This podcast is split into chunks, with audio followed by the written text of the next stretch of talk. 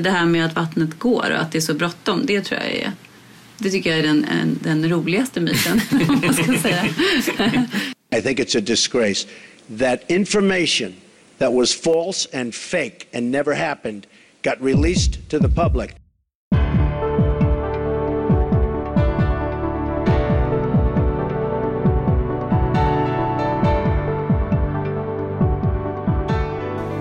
Hej och välkomna tillbaka kära lyssnare till podden Sjuka fakta som eh, har för avsikt att både bekräfta och dementera myter och föreställningar om våra kroppar och vår hälsa.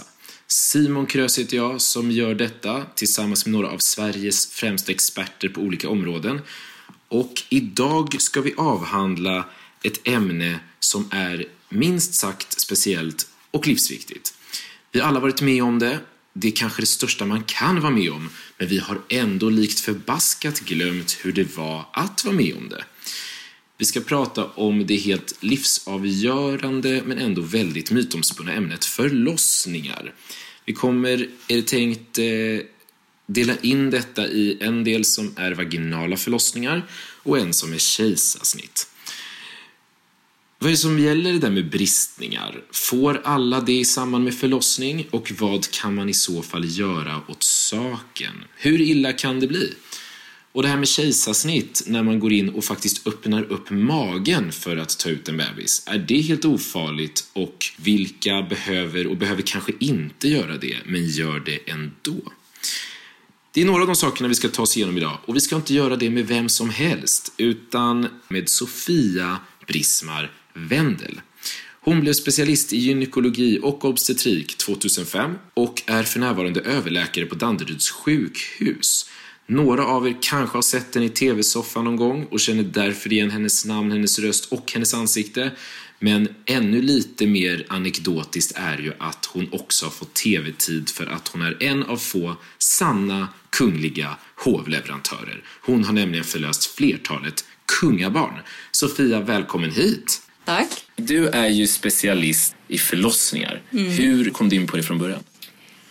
Um, jag tycker att det är roligt att jobba med livets början som mm. läkare. Mm. Uh, och uh, det är mycket mer glädje och uh, positiva upplevelser även som, som läkare i jobbet, som förlossningsläkare jämfört med om man jobbar inom många andra specialiteter där folk är mycket mer sjuka och äldre och mm. försvinner bort. Så det här är mycket mer happy smiles då? Ja, det är det. Jag fattar.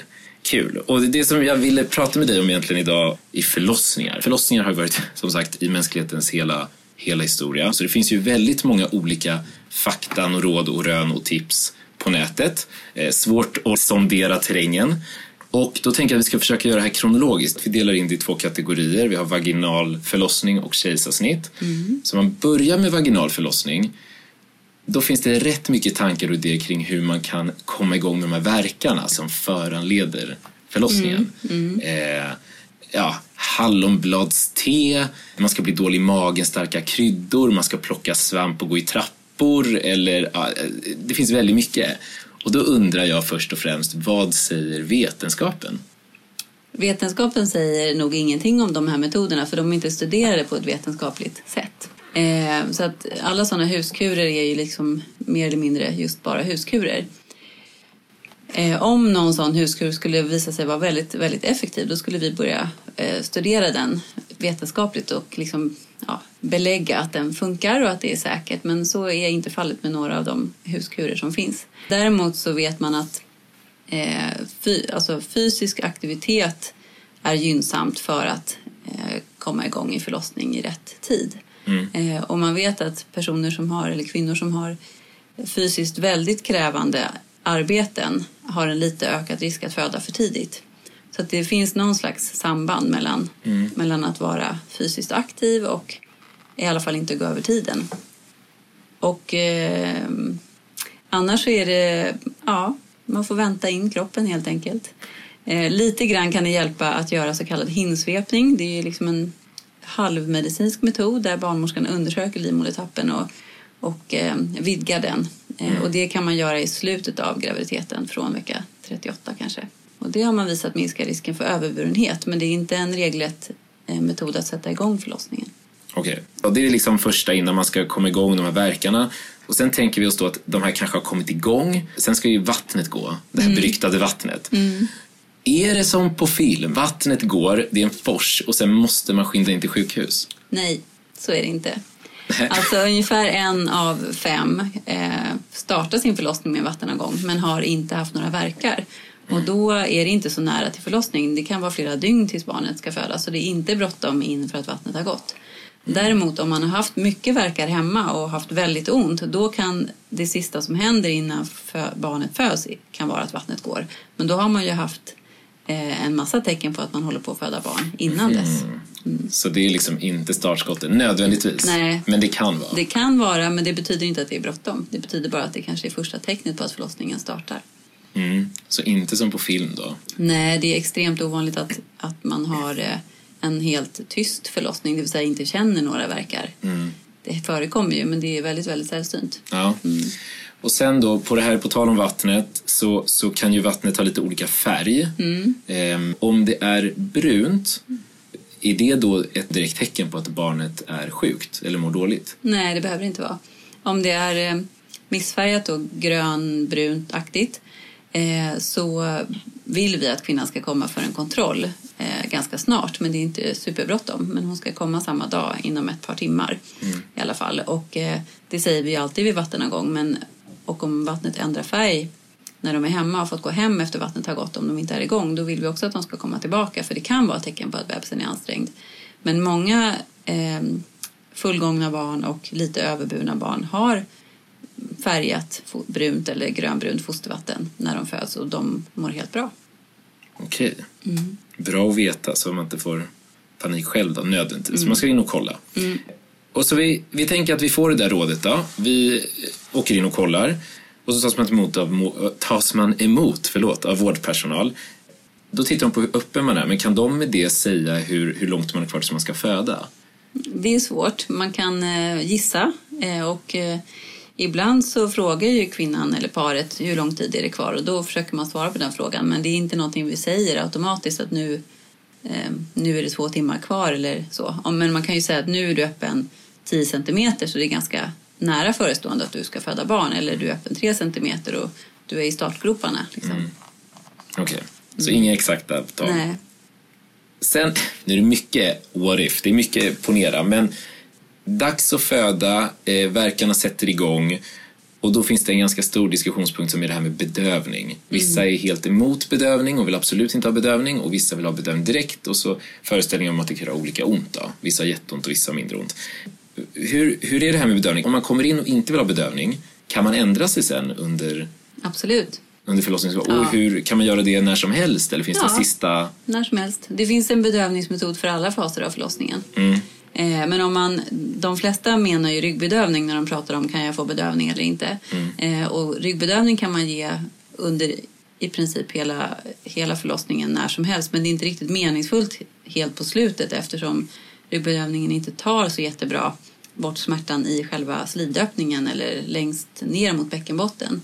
Eh, och då är det också väldigt nära att barnet ska födas och narkosläkaren kanske inte hinner lägga bedövningen helt enkelt. Eh, så att det är mer, man får liksom tänka hur, hur snart kommer bebisen födas och är det är man förstföderska eller omföderska spelar också roll. För en omföderska som är öppen åtta det kan innebära att det är fem minuter kvar och för en, men det kan också innebära att det är tre timmar kvar, det vet man inte. Okej. Men man vet utifrån hur snabbt det har gått och hur mycket verkar den har och Ja. hur hon har fött tidigare och så. Så då kan man, eh, kan man liksom försöka bedöma om det är lönt eller inte. Och så försöker vi rådge kvinnan. Men om det så att säga är för sent för ryggbedövning så finns det andra bedövningsmetoder. Man kan få en bäckenbottenbedövning eller, eller eh, som, vad ska man säga, det kallas ju för tandläkarbedövning men det är inte det vi håller på med. Vi håller på med gör. infiltrationsbedövning i själva slidöppningen så att det ger lite, ja, lite smärtlindring när bebisen föds. Och det kan man göra på några, en minut bara.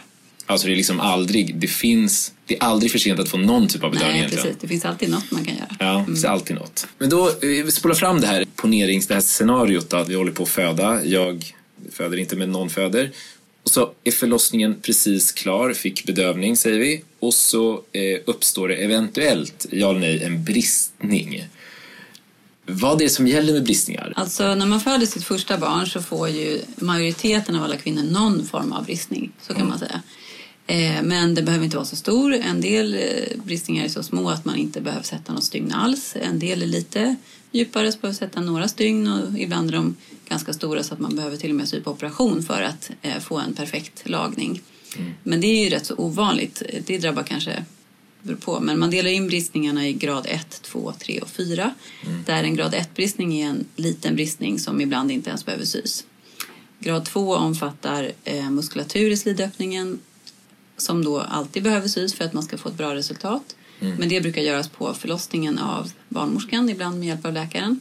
En grad 3-bristning omfattar svinktern, alltså ändtarmsmuskelns, liksom, den slutmuskeln som stänger ändtarmen när man känner sig bajsnödig.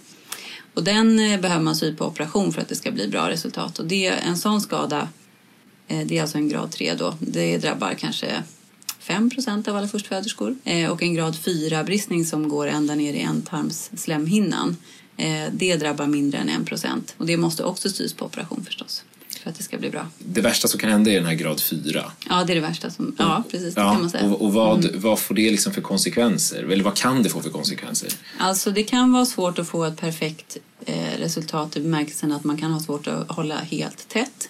Speciellt om man eh, blir magsjuk och har väldigt lös avföring. Det kan vara svårt att hålla tätt för gaser så att man liksom ofrivilligt släpper sig. Eh, det är det vanligaste symptomet efter en eh, grad 4 och grad 3-bristning. Att man har lite svårt att hålla för gaser.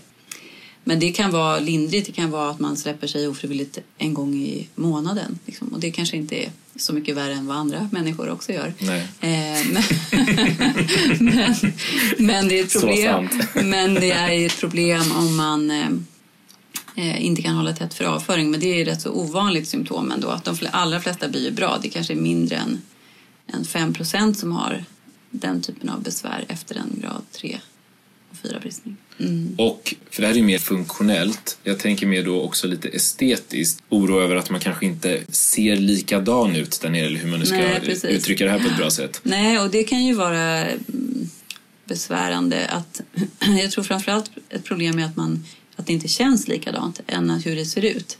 Eh, men det brukar hänga ihop lite grann. Eh, om, det, om det inte ser rätt ut så känns det inte heller rätt. Liksom. Men ibland är det tvärt. Det är oftare kanske så att det ser rätt ut men det känns inte helt rätt. Och att man har smärtor till exempel i samlag. Eh, och det är ett ganska vanligt symptom efteråt. Och då kan man säga att det finns egentligen inget bättre sätt att överkomma de smärtorna än att faktiskt fortsätta ha samlag. Om det går att genomföra. Att det blir bättre med tiden. Så Men det, man, behöver, man behöver ju hjälp. Man behöver kanske lite smärtlindring eller smärtstillande gel eller tips och råd om hur man ska liksom, ja, träna upp den där känslan igen så att säga att det funkar. Just det. Och de tips och råden får man från Mm. Det får man från sjukhuset. Man, om man har fått en grad 3 eller 4 bristning då följs man ju av sjukhuset eller på kliniken där man har fött och får uppföljning tills man är liksom nöjd eller vill, inte vill ha mer uppföljning eller hjälp.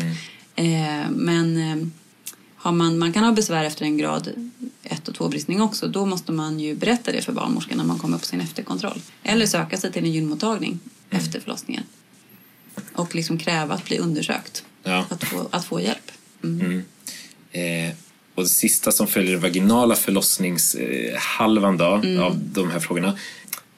Efter att man har förlöst vaginalt så är det inte ovanligt att man blöder och att man gör det kanske i flera veckor. Mm. Gäller det alla? Ja, alltså det är lite olika mycket hur, man, hur mycket man blöder. Men de flesta blöder ju som en riklig mens först men sen avtagande liksom till bara vara en brun flytning. Men det kan pågå i kanske fem veckor. Eller ibland tre, eller ibland åtta. Mm. Men allt däremellan kan vara normalt. Och hur, hur vet jag som, som icke-medicinskt kunnig att jag ska söka hjälp om det är så att jag liksom... Ja, men om du blöder rikligt stora klumpar, liksom flera, flera deciliter, då är det inte normalt. Då måste man ju absolut söka. Eh, och ibland så har blödningen i princip avtagit, men så kommer det en stor blödning senare och då ska man också söka för det. Eh, och pågår blödningen som en, en lite tyngre mens lång tid, mer än åtta veckor, då ska man också söka hjälp för det. Men då har man ju också eh, vanligtvis haft kontakt med sin barnmorska på eftervården redan, alltså på mödravårdscentralen redan på efterkontroll. Och då eh, bör hon ge det rådet att det ska kollas upp på sjukhuset igen av en läkare. Då, då kommer vi ganska rast över till, till del två som ändå är eh, kejsarsnitt. Och då är min första fråga, vad innebär ett kejsarsnitt? Det innebär en operation i magen förstås eh, som görs eh, eh i ryggbedövning, så man är vaken. Operationen tar 30 minuter ungefär, eh, plus minus 10 kanske. Eh, och ja, vårdtid på två dagar ungefär efteråt. Eh, kanske mellan tre och sex veckors återhämtningstid eh, för att inte ha så ont i magen och kunna röra sig mm. normalt efter, efter operationen. Så det är operation i magen där man plockar ut bebisen mm. genom magen? Precis. Okej. Och varför skulle man välja att göra så istället för att låta en kvinna föda vaginalt? Alltså det, jag brukar kanske lite skämtsamt eller eh, vad ska man säga raljerande ibland säga att det finns bara två indikationer för kejsarsnitt och det ena är tvärläge när bebisen ligger på tvären och inte kan komma ut. Den måste ligga med någon ända först, huvudet eller rumpan eller när moderkakan ligger för utgången. Eh, för då kan inte bebisen heller födas genom, mm. genom eh, modermunnen och slidan. Mm. Utan att det blir en katastrof. Okay. Eh, så det, det, är egentligen de två liksom, absoluta anledningarna till kejsarsnitt. Men sen finns det en en rad mer eller mindre relativa anledningar till kejsarsnitt. Som kan vara att bebisen är ja, tillväxthämmad och vi bedömer att den inte kan föda eller inte ska födas vaginalt för att den är för skör för det. Eller eh, ja, att mamman har opererat flera gånger i livmodern tidigare och vi tror att livmodern inte håller för ett verkarbete. Mm. Men allt är ju saker som man tror kommer att hända vid förlossningen, inte säkert vet.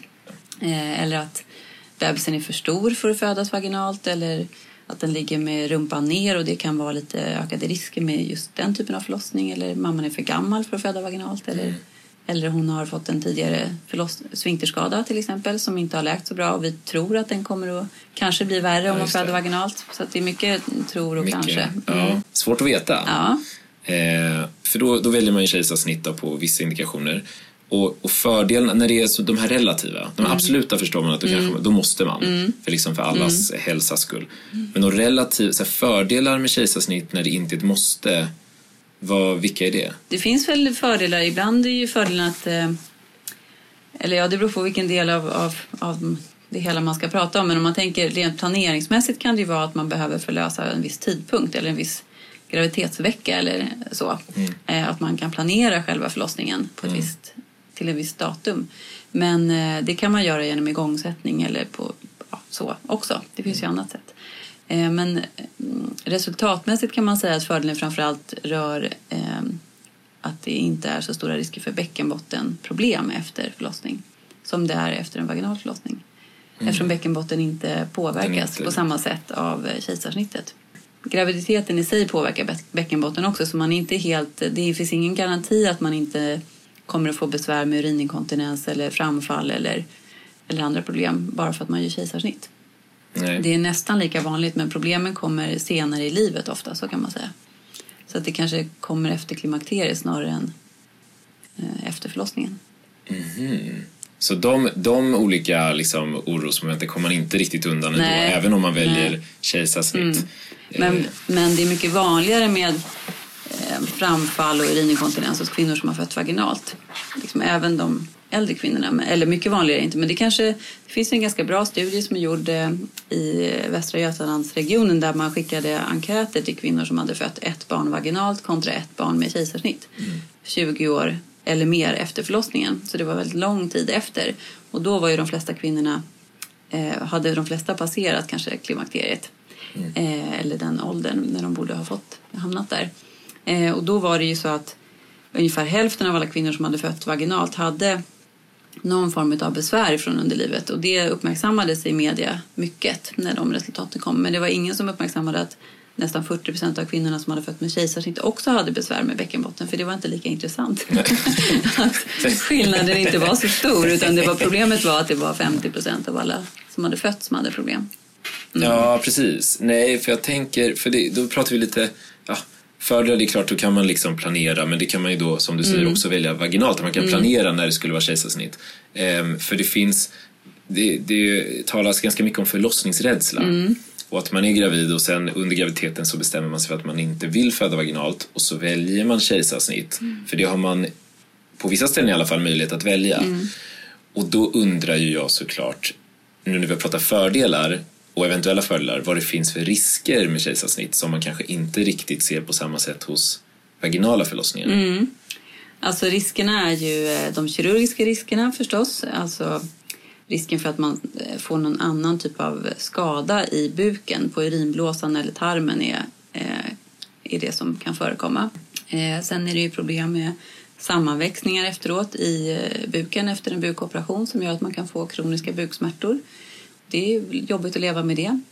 Eh, med eh, ja, episoder på sjukhus och smärtstillande behandling och att aldrig riktigt veta vad är det som gör ont nu. Är det de här sammanväxningarna eller något annat farligt? Kanske man blir opererad igen för att någon tror att det är något farligt och så.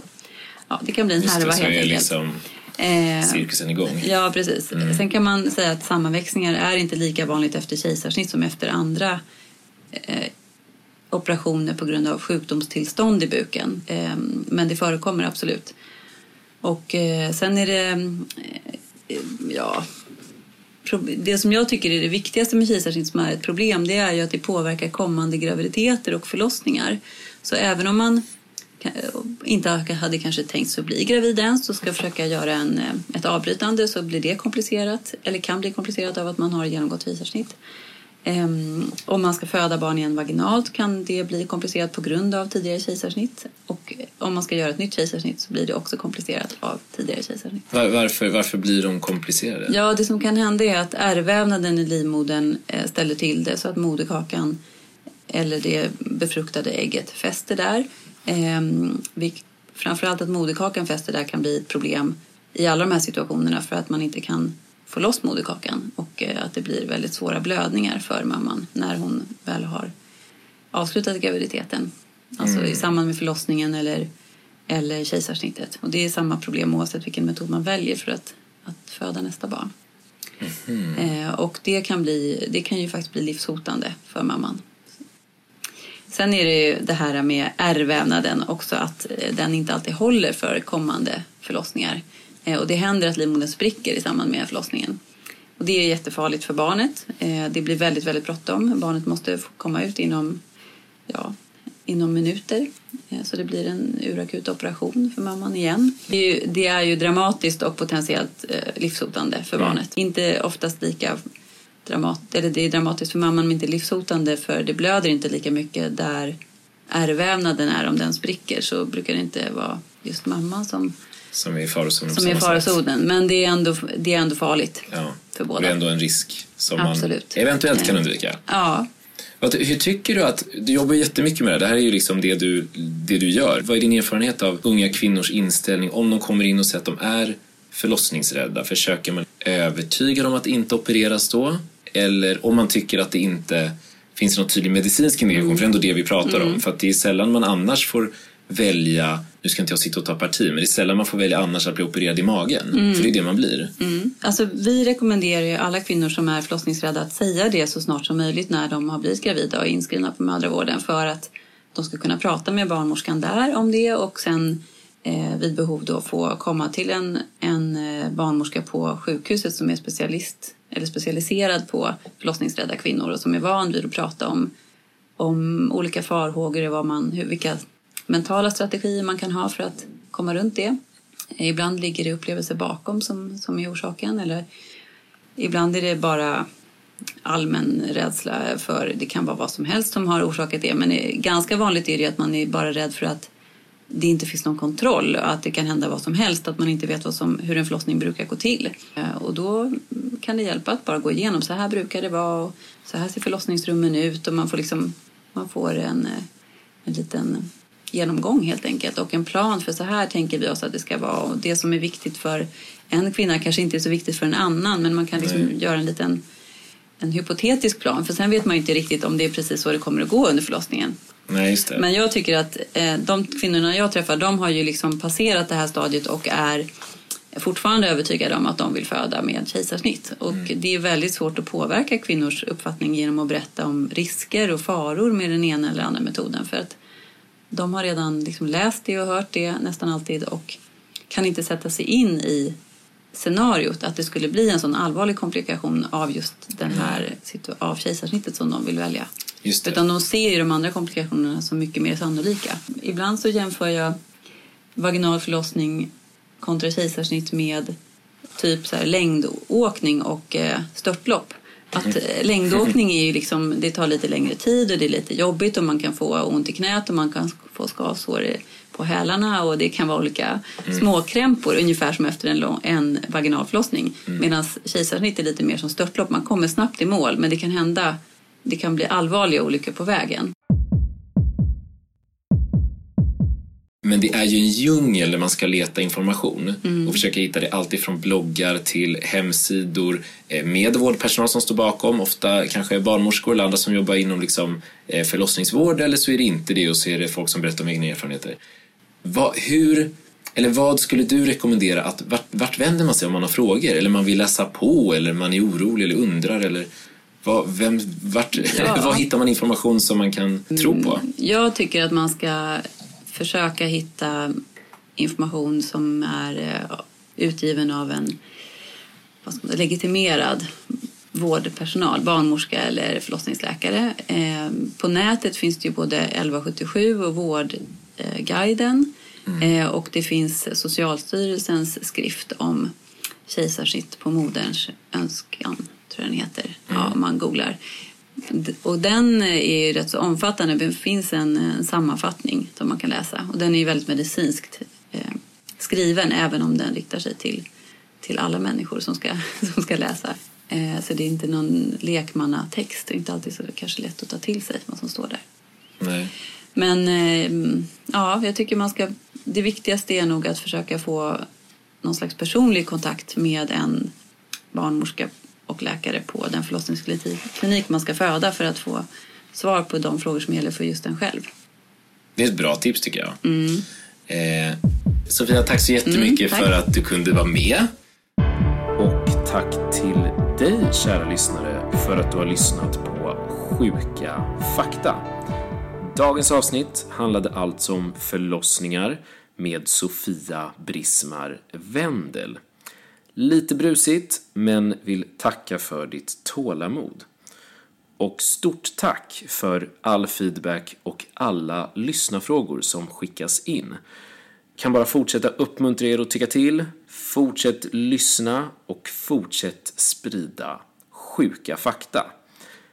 Du når mig som vanligt på kontakt sjukafakta.se eller via vårt Instagramkonto Sjuka Fakta Podcast där du även hittar extra material som kontinuerligt läggs upp om de ämnen vi behandlar. Ha en fortsatt härlig sommar oavsett om du befinner dig i Sverige eller på annan ort så återkommer vi i vanlig ordning nästa tisdag. Må gott, ta hand om dig tro inte på allt du hör.